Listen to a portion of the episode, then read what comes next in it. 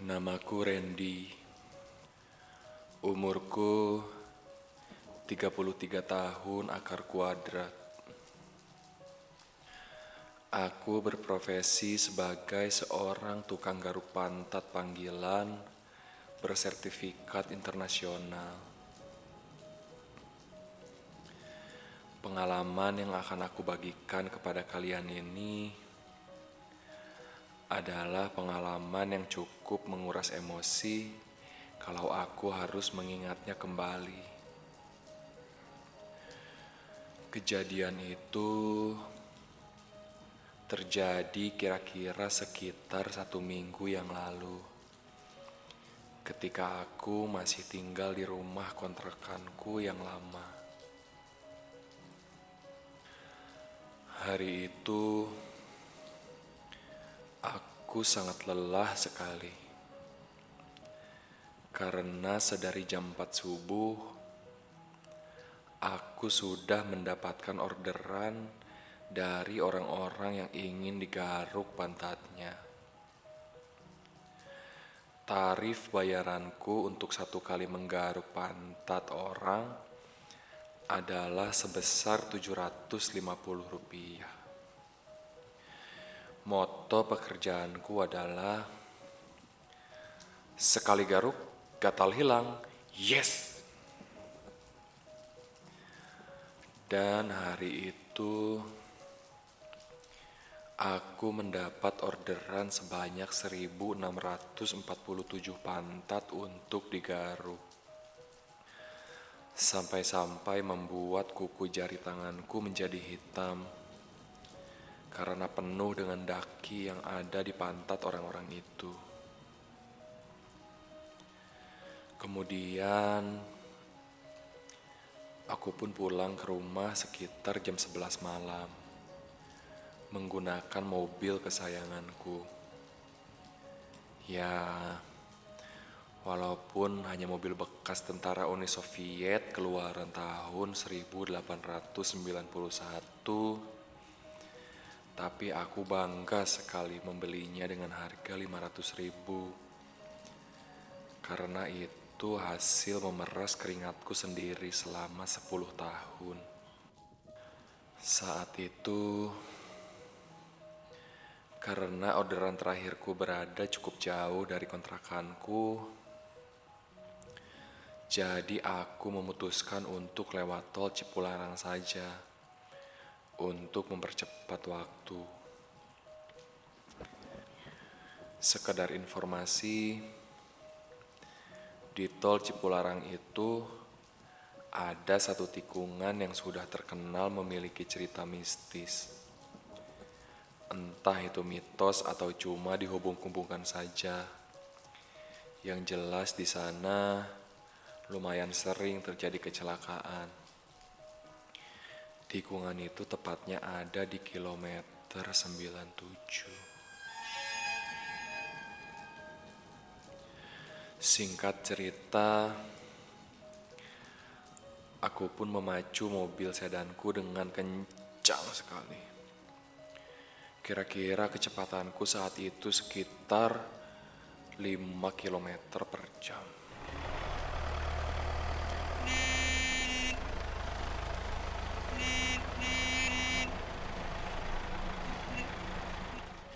Karena aku seorang diri, jadi di perjalanan aku sambil mendengarkan musik.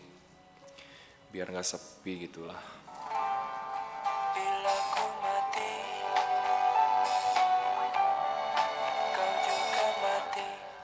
Saat sedang asik mengikuti irama musik di radio,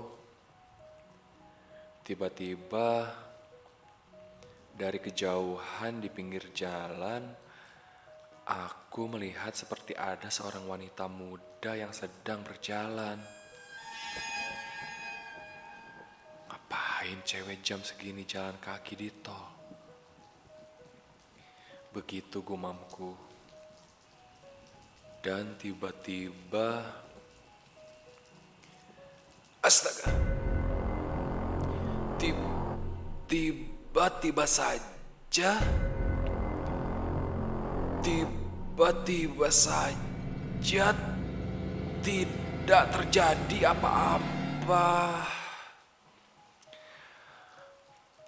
Aku pun kembali melanjutkan perjalananku dengan enjoy.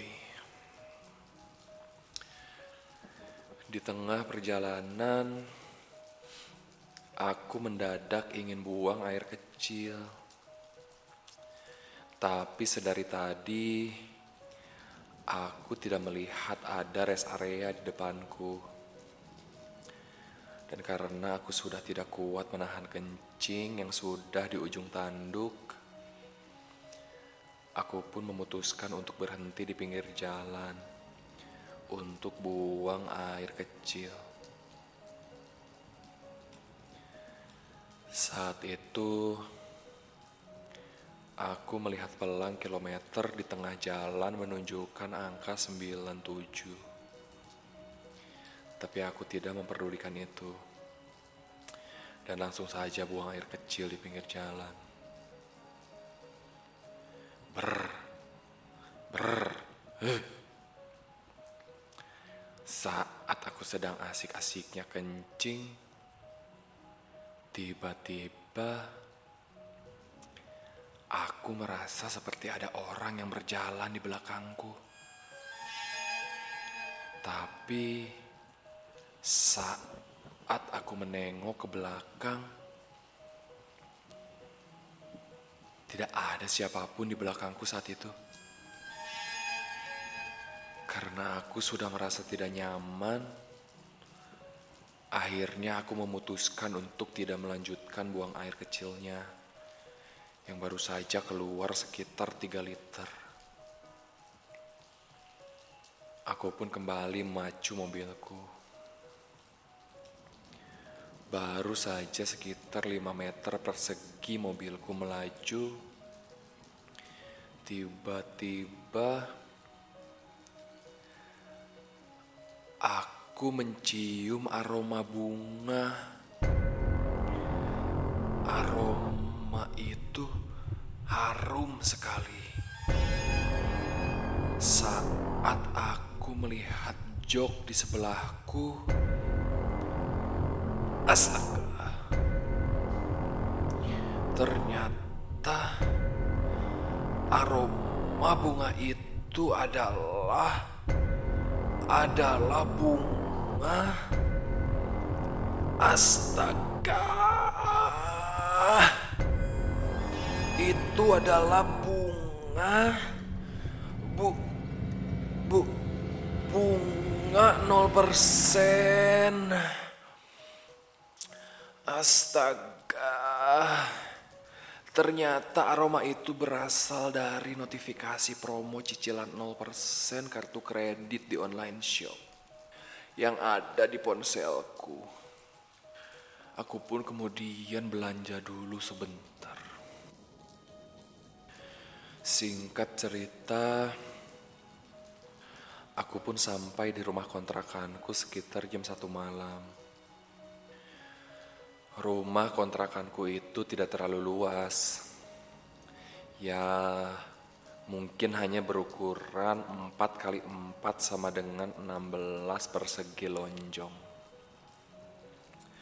Dan karena badanku saat itu sudah sangat lengket sekali, aku pun memutuskan untuk berendam di dalam ember menggunakan air panas dicampur dengan wipol agar steril. Setelah selesai mandi, aku merasakan sedikit lapar saat itu.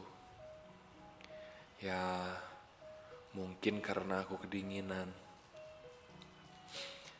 Tapi karena aku tidak terlalu lapar, jadi aku hanya membuat mie instan tiga bungkus ditambah telur burung unta.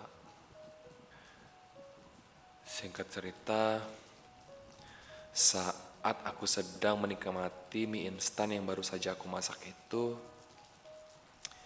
tiba-tiba aku mendengar ada yang menyalakan kompor di dapur. Pun penasaran dan kemudian langsung pergi ke dapur untuk mengeceknya. Saat aku menengok ke dalam dapurku, astaga, tepat di dalam dapurku, kini ada ada sesosok makhluk kurus kecil berambut mohak yang sedang jongkok di atas kompor. Astaga. Makhluk itu menyeringai menyeramkan ke arahku sambil memiring-miringkan kepalanya. Astaga. Belum sempat aku berkedip, makhluk itu kemudian dengan cepat kilat meloncat tepat mendarat di atas ubun-ubunku. Astaga. Saat itu, sontak aku menjerit ketakutan sambil berlari-lari santai di tempat. Makhluk itu kemudian menjambak-jambak rambutku sambil kegemasan mencubit-cubit pipiku yang cabi, astaga.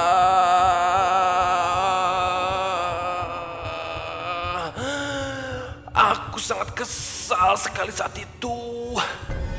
Dan kebetulan sekali aku melihat ada obat nyamuk di dekatku. Refleks saja aku mengambil botol obat nyamuk itu dan langsung menyemprot makhluk itu tepat di dalam mulutnya. Seketika saja makhluk itu kejang-kejang sambil kelepek-kelepek di lantai. Aku pun segera berlari keluar mencari pertolongan dan warga pun berbondong-bondong datang ke rumahku saat itu karena mendengarku berteriak.